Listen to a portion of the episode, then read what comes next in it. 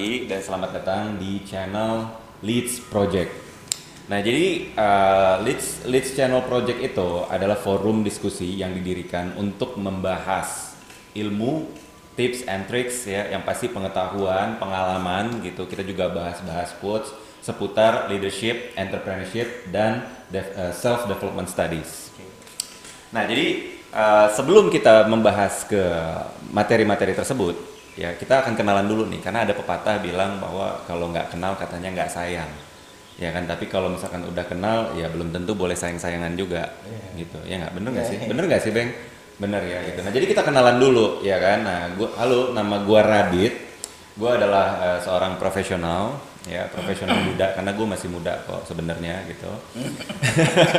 Profesional muda ya. Gue uh, bekerja di bidang uh, agency field marketing agency ini adalah bidang yang udah gue gelutin selama enam tahun kurang lebih ya kan? Tapi bukan satu-satunya bidang yang gue jalanin gitu. Artinya sebelum-sebelum ini itu ada beberapa bidang ya. Tapi lebih ke dunia sales gitu yang udah pernah gue jalanin. Uh, nanti kita akan bahas sampai pada akhirnya gue bisa pindah ke dunia agency gitu. Tapi itu sedikit perkenalan mengenai diri gue sendiri. Nah di sebelah gue ini ada rekan gue rekan atau sosok yang menurut gue uh, adalah sosok yang sangat multi talented ya multi talented bahasanya serem. Ya kan multi talented gitu ya kan? Nah kenapa gue bisa bilang kayak gitu? Karena gue kenalnya udah lama. Ya kan udah lama banget nih kita kenal gitu ya kan? Rasanya tuh udah puluhan tahun gitu padahal enggak belum nyampe 10 tahun juga gitu ya kan? Nah jadi di sebelah gue ini adalah rekan gue partner gue temen gue ya kan? Bisa dibilang sahabat gue juga gitu ya kan? Karena kalau nggak sahabatan nggak mungkin lah kita satu frame. Ya nggak beng uh. ya kan? Nah tapi yang paling penting adalah uh, beliau ini adalah mentor buat gua oh, gitu. Jadi mentor bukan hanya untuk dunia kerjaan ya, jangan salah teman-teman. Kadang-kadang kita hanya mengkaitkan mentor itu hanya untuk dunia kerjaan, nggak ya. juga. Kadang-kadang kita butuh guidance ya kan, kita butuh petunjuk hidup. Nah, kita butuh mentor gitu. Nah, langsung aja teman-teman kita kenalin ini Pak Zaki. Halo guys, Pak Zaki ya panggilannya bukan Pak Zaki ya kan dipanggilnya Zaki. kalau kalau gue manggilnya Pak. Ya, tapi nggak apa-apa ini biar kenalan aja. Jadi biar kelihatan siapa yang lebih tua sebenarnya. ya itu justru kalau lu kalau dia nggak manggil gue bapak, mungkin lu semua mikir yang lebih tua adalah Bang ya enggak? Coba pilih. Oke. Okay. Nanti lu pilih, ini, lu kasih komen. Lu, komen ini, lu, ini, bener ini adalah perkenalan mengenai Zaki, bukan perkenalan okay, mengenai gue lagi nih. Nanti komen lu cek siapa yang bener. Pak silakan komen ya nanti mana yang lebih tua dilihat mukanya gitu. Iya, oke. Okay. Kalau gue saat ini punya beberapa usaha ya, alhamdulillah ada usaha gue yang bagus banget itu lagi yang lagi di sama-sama Radit ya sama-sama kelola berdua ya kan? Kemudian gue juga ada beberapa usaha lainnya ada usaha yang juga lagi ya gitulah namanya lagi musim covid ya hmm. musim covid jadi masih yang ada tiar dikit lah. Tapi again ya alhamdulillah ya itu adalah perjalanan hidup kita jadi kalau dibilang pengusaha boleh lah tapi jangan dipikir pengusaha yang wow gitu. Nah kita usaha yang secukupnya aja. Ya, ya di luar usaha gue juga ya mesti cerita juga ya. Iya dong. Oke. Okay. ceritain dong. Nah jadi gue selain usaha gue juga orangnya kebetulan senang banget organisasi dari zaman gue kuliah dulu. Jadi gue saat ini juga adalah salah satu ketua dari kata alumni UI ya. Nah, itu jadi UI itu kemudian gue juga spesifiknya ada namanya ikatan alumni UI yang khusus untuk anak S2 magister manajemen. Yang gue di situ jadi wakil ketua kalau orang bilang apa yang sih lo banyak organisasi kepengen dapat jabatan? Itu adalah pikiran salah. Karena bagi gue justru bagian dari bagaimana gue membayar kembali apa yang udah kampus gue kasih gitu, atau alamat gue kasih ke gue sehingga gue bisa sampai di titik ini gitu. Dengan keaktifan di organisasi itu nah, ya itulah. Itu bagian dari kerja sosial ya. Okay. kerja sosial karena bagi gue nggak bisa nih kita jalan hanya you making money atau membuat ya yang penting ada istri lu bahagia. Nggak bisa hanya begitu kita semua adalah makhluk sosial yang punya tanggung jawab sosial. Okay. Ya, kita beruntung dan bersyukur sama-sama ya Dit ya kita yeah. pernah mengecap pendidikan pendidikan tinggi ya di kampus kita kita kebentuk karakternya di situ thank you banget buat para dosen kita tentunya ya sehingga saatnya juga kita setelah bekerja begini bagaimana nih kita bisa membantu adik-adik kita hmm. mahasiswa ataupun lingkungan sekitar kita atau masyarakat Oke, ini berat banget ya pembahasannya ya. Ini udah seperti pembahasan seorang aktivis. Tapi nggak ada salahnya kalau kita sebut Pak Zaki adalah seorang aktivis juga karena memang benar juga gitu. Ya. Pak, tapi kalau misalkan lu kan sekarang jadi ketua alumni UI gitu ya. Kalau gue boleh ketua ya bukan ketua umum ya. Gua Iya. adalah posisinya setelah ketua umum ada beberapa ketua di bawahnya. Oke. Di bawahnya baru ada kepala kepala kepala bidang. Oke. Nanti mikirin kok ketua. Oke, berarti ya tapi tetap aja judulnya ketua gitu, Iya, ya iya. kan itu bukan satu hal yang gampang ya itu. ketuaan ya. Kalau kalau kita bicara tanggung jawab itu tanggung jawab yang besar lah gitu. Tapi kalau ketua itu berarti dia ditunjuk oleh ketua umum ya pak. Iya. ya? Gitu. Nah, jadi kebayang nih sebenarnya udah udah lepas dari masa itu aja lu masih aktif gitu, ya kan sebagai ketua alumni ya kan ya artinya masih masih mau berkontribusi gitu dengan mewakilkan teman-teman uh, alumni UI gitu. Waktu pas kuliah dulu lu juga sama pak kayak gini juga aktif. Ah ya, kalau gue kuliah dulu, gue sempat jadi ketua umum senat mahasiswa. Hmm. Kalau zaman sekarang namanya ketua BEM, ya kan? Oke. Karena gue di Visip UI dulu, gue jadi ketua senat mahasiswa. Alhamdulillah, teman-teman pada percaya itu gue bentuk banget lah. Tapi bukan hanya pada saat gue menjadi ketua senat ya, karena bagi gue itu adalah ujung sebenarnya. Nah, karena sebelumnya gue juga aktif di eh, di jurusan, di himpunan mahasiswa jurusan, gue juga dulu sempat jadi ketua bola juga. Jadi di persatuan sepak bola mahasiswa divisi itu pernah jadi ketuanya. Tapi ya gue mau gue jadi ketua bola itu kenapa? Kan gue bukan paling jago main bola. Jadi lu ngurusin organisasi aja jadi ini, bukan karena gue ini lebih ke manajemennya ya, Oh, mungkin iya. ngurusin administrasi, Iya. ngurusin pesan seragam kayak gitu kali. ya. ya salah satu lah gitu. karena managing loh Iya, managing, ya. oke. Tapi kenapa karena dulu gue kiper man jadi gue nih gini gini kiper orang yang bisa menangkap ya? Oke. menangkap jago ya asik gue kiper ketiga Gue kira ini gue nih kiper gitu, walaupun iya tapi gue kiper tapi gue kiper utama Eh, gitu. bukan, karena kiper pertama gua itu adalah kiper pertama UI juga. Iya, jadi lu main kalau yang pertama ini kalau nggak sakit dia cedera digantiin sama yang kedua, Nggak, tapi yang kedua ini juga harus cedera dulu baru lu main. Bukan kalau dia tadi mewakili UI. Oke. Nah, kiper kedua gua itu juga kiper keduanya UI, men. Jadi Hmm. wajar dong gua kiper ketiga. Eh enggak, kiper ke satu dan keduanya adalah UI. Jadi gua kiper ketiga di Visip ya gimana? Itu jebolannya jebolan Arseto Solo lah gitu, kayak Liverpoolnya lah kalau di Inggris itu. Oke. Eh, bayangin ya, jadi kalau gua gua kiper ketiga, gua kenapa nggak malu ngomong gitu kan? Kiper pertama dan kedua kipernya UI.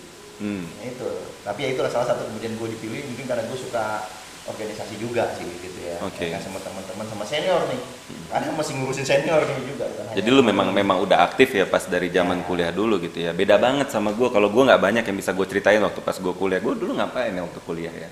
Udahlah jangan ceritakan kau kenakalan remaja nggak usah diceritain Iya, gue gua nggak ceritain, tapi gue berusaha untuk mengingat gitu karena oh ini pahit jadi nggak usah diceritain gitu.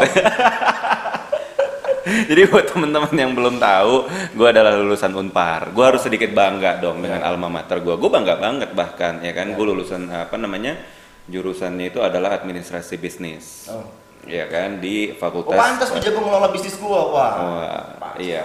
Gue tuh dulu di FISIP gitu. Nah, kenapa Pak Zaki ngomong gitu barusan? Ya kan karena memang dari tahun 2015 sampai dengan saat ini gue memang menjadi orang yang mengurusi memimpin bisnisnya beliau kayak gitu. Nah, Masih jadi puji Iya, jadi teman-teman satu alma mater dengan gue ya walaupun banyak banget yang berprestasi gitu ya. Kalau dibilang gue nih belum ada apa-apanya lah masih butiran debu karena banyak banget ya senior senior gue tuh memang yang kiprahnya tuh udah ke mana-mana gitu. tapi it- again kita let's discuss about that ya karena bagi gua prestasi atau achievement itu nggak bisa di compare each other gitu Oke, setiap benar. orang punya milestone-nya sendiri ya gitu Iya, iya, iya. dan nggak bisa bilang bahwa oh dia lebih saksit atau gue kurang saksit nggak Ya. tapi kita bisa sukses di masing-masing di bidangnya masing-masing di perjalanan hidup kita Betul sih, Ya, betul again, Pak. ini ya maksudnya Karena jangan, jangan jangan terlalu silau dengan jabatan benar, benar. Gue setuju ya. banget sih. ya ini, ini Karena ini memang perjalanannya kan masing-masing ya, Ya. time frame-nya juga berbeda-beda gitu. bener banget, Maksudnya bener. Nggak jangan pernah berharap eh, jangan pernah melihat bahwa orang itu kalau dia udah sukses lihatnya pada saat dia sukses gitu ya. Kalau kita kacamata kita sesempit Ya. itu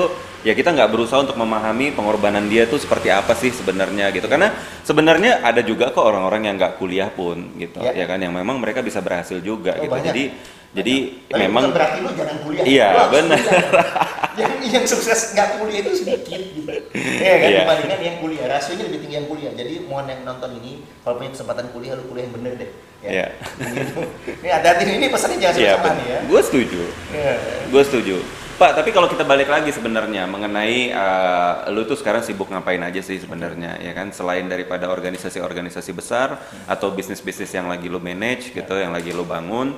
Ada nggak sih uh, di luar daripada organisasi-organisasi besar itu pengalaman lu gitu memimpin misalkan memimpin warga gitu okay. ya kan atau memimpin apa namanya uh, uh, komunitas-komunitas tertentu gitu okay. ada nggak sih kalau kalau gue alhamdulillah gue pernah dipercaya selama tujuh tahun di, hmm. jadi ketua rw rukun warga ya Okay. Uh, jadi setelah lima tahun satu episode, gue itu kemudian diperpanjang lagi. Uh, harusnya terus lima tahun, tapi karena gue masih tidak uh, rumah, jadi gue ya ini gitu masih mengundurkan diri waktu itu. Hmm. Ya.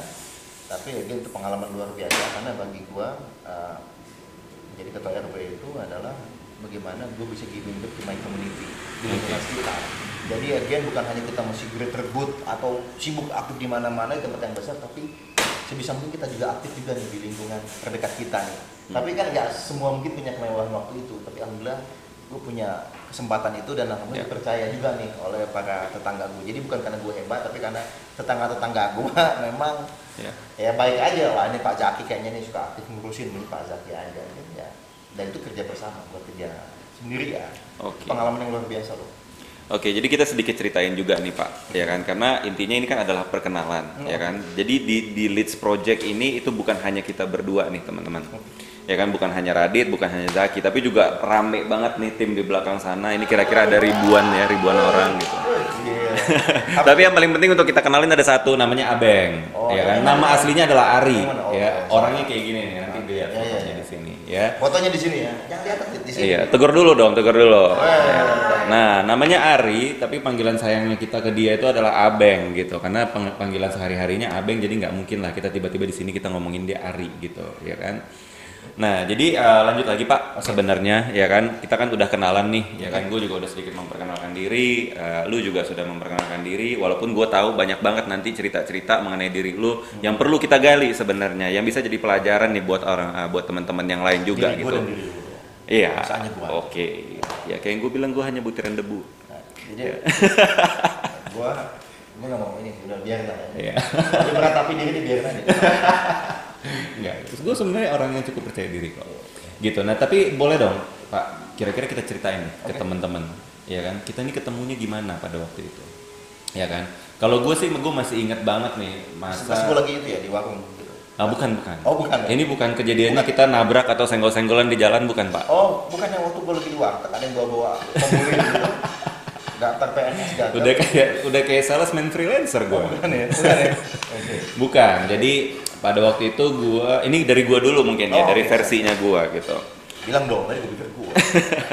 Kalau dari versinya gue, dulu tuh gue masih aktif jadi salesman ya tapi salesman yang keren dong ya gue jualan mobil mini Cooper oh. gitu disebutnya itu adalah mini consultant bukan mini salesman gitu bukan ya bukan bukan car salesman juga ya. tapi disebutnya adalah sebagai consultant karena kita harus memahami lah ya kan kriterianya apa namanya uh, customernya mini itu seperti apa hmm. gitu. Orang-orang yang beli mini ini kan bukan orang-orang sembarangan gitu. Jadi gue belajar banyak banget waktu itu di sana dan gue cukup betah sebenarnya. Nah cuman ada salah satu temen gue pak yang gue kenal ya kan pada waktu itu yang akhirnya jadi jadi salah satu mentor juga di hidup gue gitu. Nah dia itu bilang dit lu mau nggak coba kerjaan yang lebih strategis hmm. ya kan kerjaan yang bikin lu tuh bakal jadi tambah pinter. Ya kan pekerjaan yang bikin lu tuh mental lu tuh jadi lebih kuat gitu ya kan. Dan lu tuh nanti mungkin someday bisa jadi pengusaha misalkan. Oh. ya kan karena gue bisa ngelihat nih apa namanya bakat-bakat terpendam lu lah bahasanya seperti itu ya kan. Pada waktu itu gue ketemu dia sebenarnya gue mau jualan mobil ya kan. Tapi malah gue jadi ditawarin kerjaan. Nah alhasil itu tawaran pertama gue tolak. dia lebih jago jadi sales tuh iya. Lu karena dia berhasil mempengaruhi lu. Oh enggak pak. Oh, enggak, enggak sejago itu. Karena oh, tawaran okay. pertama nggak langsung gue terima gue tolak dulu gitu. Nah baru tawaran kedua dia dia coba tawarin lagi terus gue tanya dong bidangnya apa. Terus dia bilang udah lu datang aja ke kantornya ketemu sama ownernya langsung hmm. temen gue dia bilang ya kan. Nanti lu datang lu ketemu sama dia. Oke pada waktu itu kan gue pas datang gue interview itu gue masih jadi sales mini tuh Hmm. Ya kan akhirnya dengan gaya-gayaan gua, gua bawa mobil test drive mini, ya kan cabriolet lagi gua buka tuh atapnya, Asli. ya kan gua datang ke kantor enggak lah, enggak gua buka atapnya.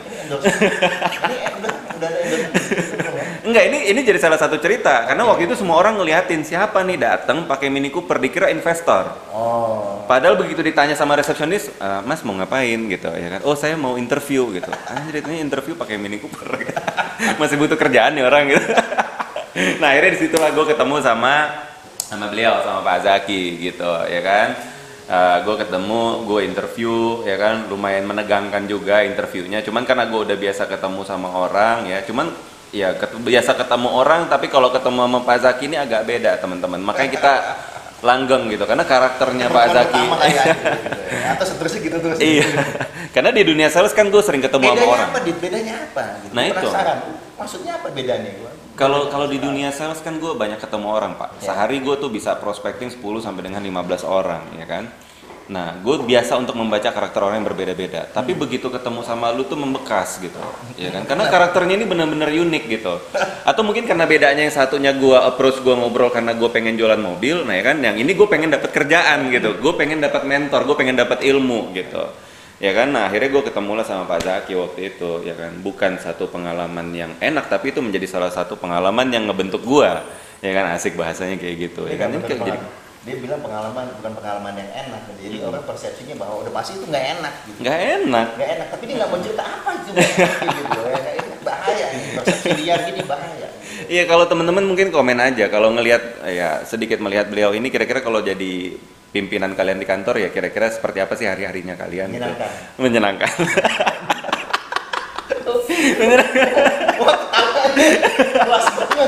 ini mendukung ya Iya.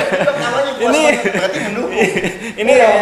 ini Iya, ketahuan iya. natural benar menyenangkan ya kan tapi begini kita Kalau diceritain sekarang itu menyenangkan, tapi pada saat mengalaminya dulu, oke nanti ya itu cukup gue lah tahu gitu. Ya tapi eh, kalau itu dari versinya gue itu gimana gue ketemu sama Pak Zaki ya pertama kali, tapi gue langsung bisa klop gitu, ngerasa langsung satu frekuensi gitu. Walaupun dia sering marah-marahin gue nggak apa-apa, gue dengerin aja gitu.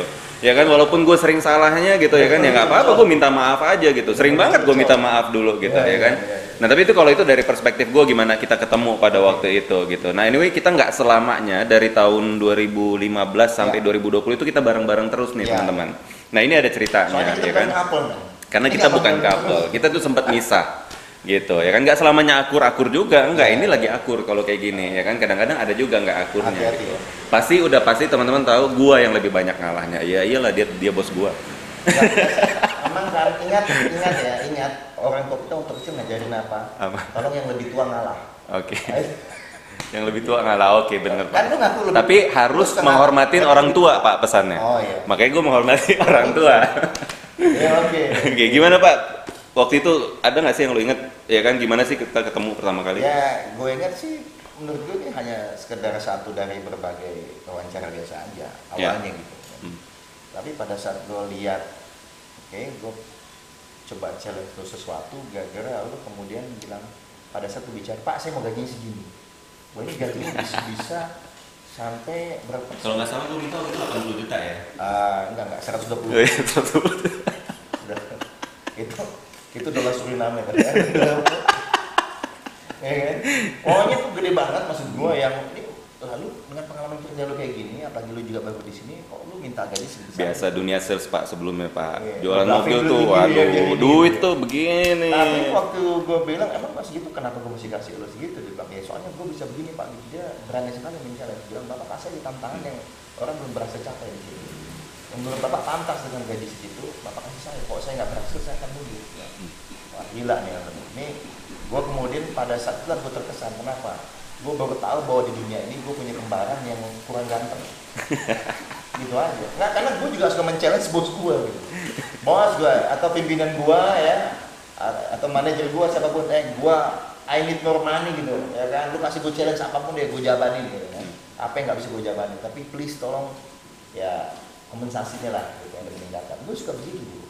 ya kan. Jadi atau lu kasih gue jabatan apa apa pun itulah gitu. Tugas apa gue insya Allah bisa selesaikan ternyata ada orang yang menantang gue buat pertama kali dalam hidup gue ya kan melakukan apa yang biasa gue lakukan ke pimpinan gue gitu. Nah ini yang membuat gue berbekas.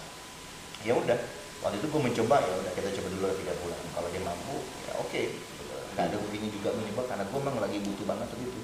Lagi baik-baiknya proyek juga soalnya ya kan. Dan ya alhamdulillah ya dia bertahan sampai sekarang. Iya sih bertahan sampai sekarang karena dari dulu sampai sekarang gajinya hanya naik 10% enggak enggak. Tapi dari 80 juta jadi Oh, iya. dihitung aja sendiri. Dolar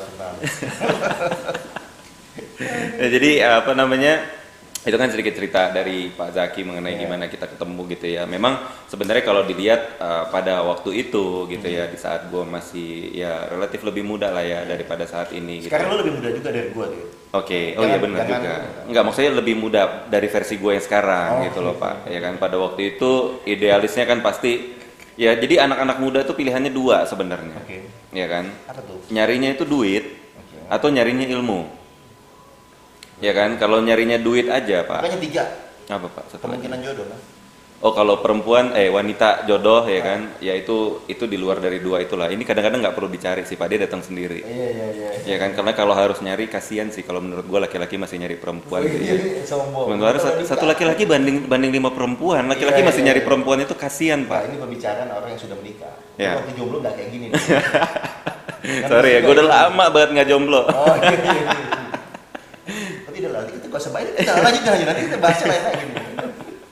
ya jadi apa namanya pilihannya itu dua kalau menurut gua ya kan? Di saat lu masih muda masih menggebu-gebu banget gitu semangatnya ya kan? Lu tuh mau cari duit atau lu mau carinya ilmu gitu ya kan? Nah cari ilmu bisa dapat duit Ya. cari duit juga bisa dapat ilmu ya kan? Tapi biasanya dari dua pilihan ini tuh pengalaman yang akan lu dapatkan setelahnya itu akan berbeda.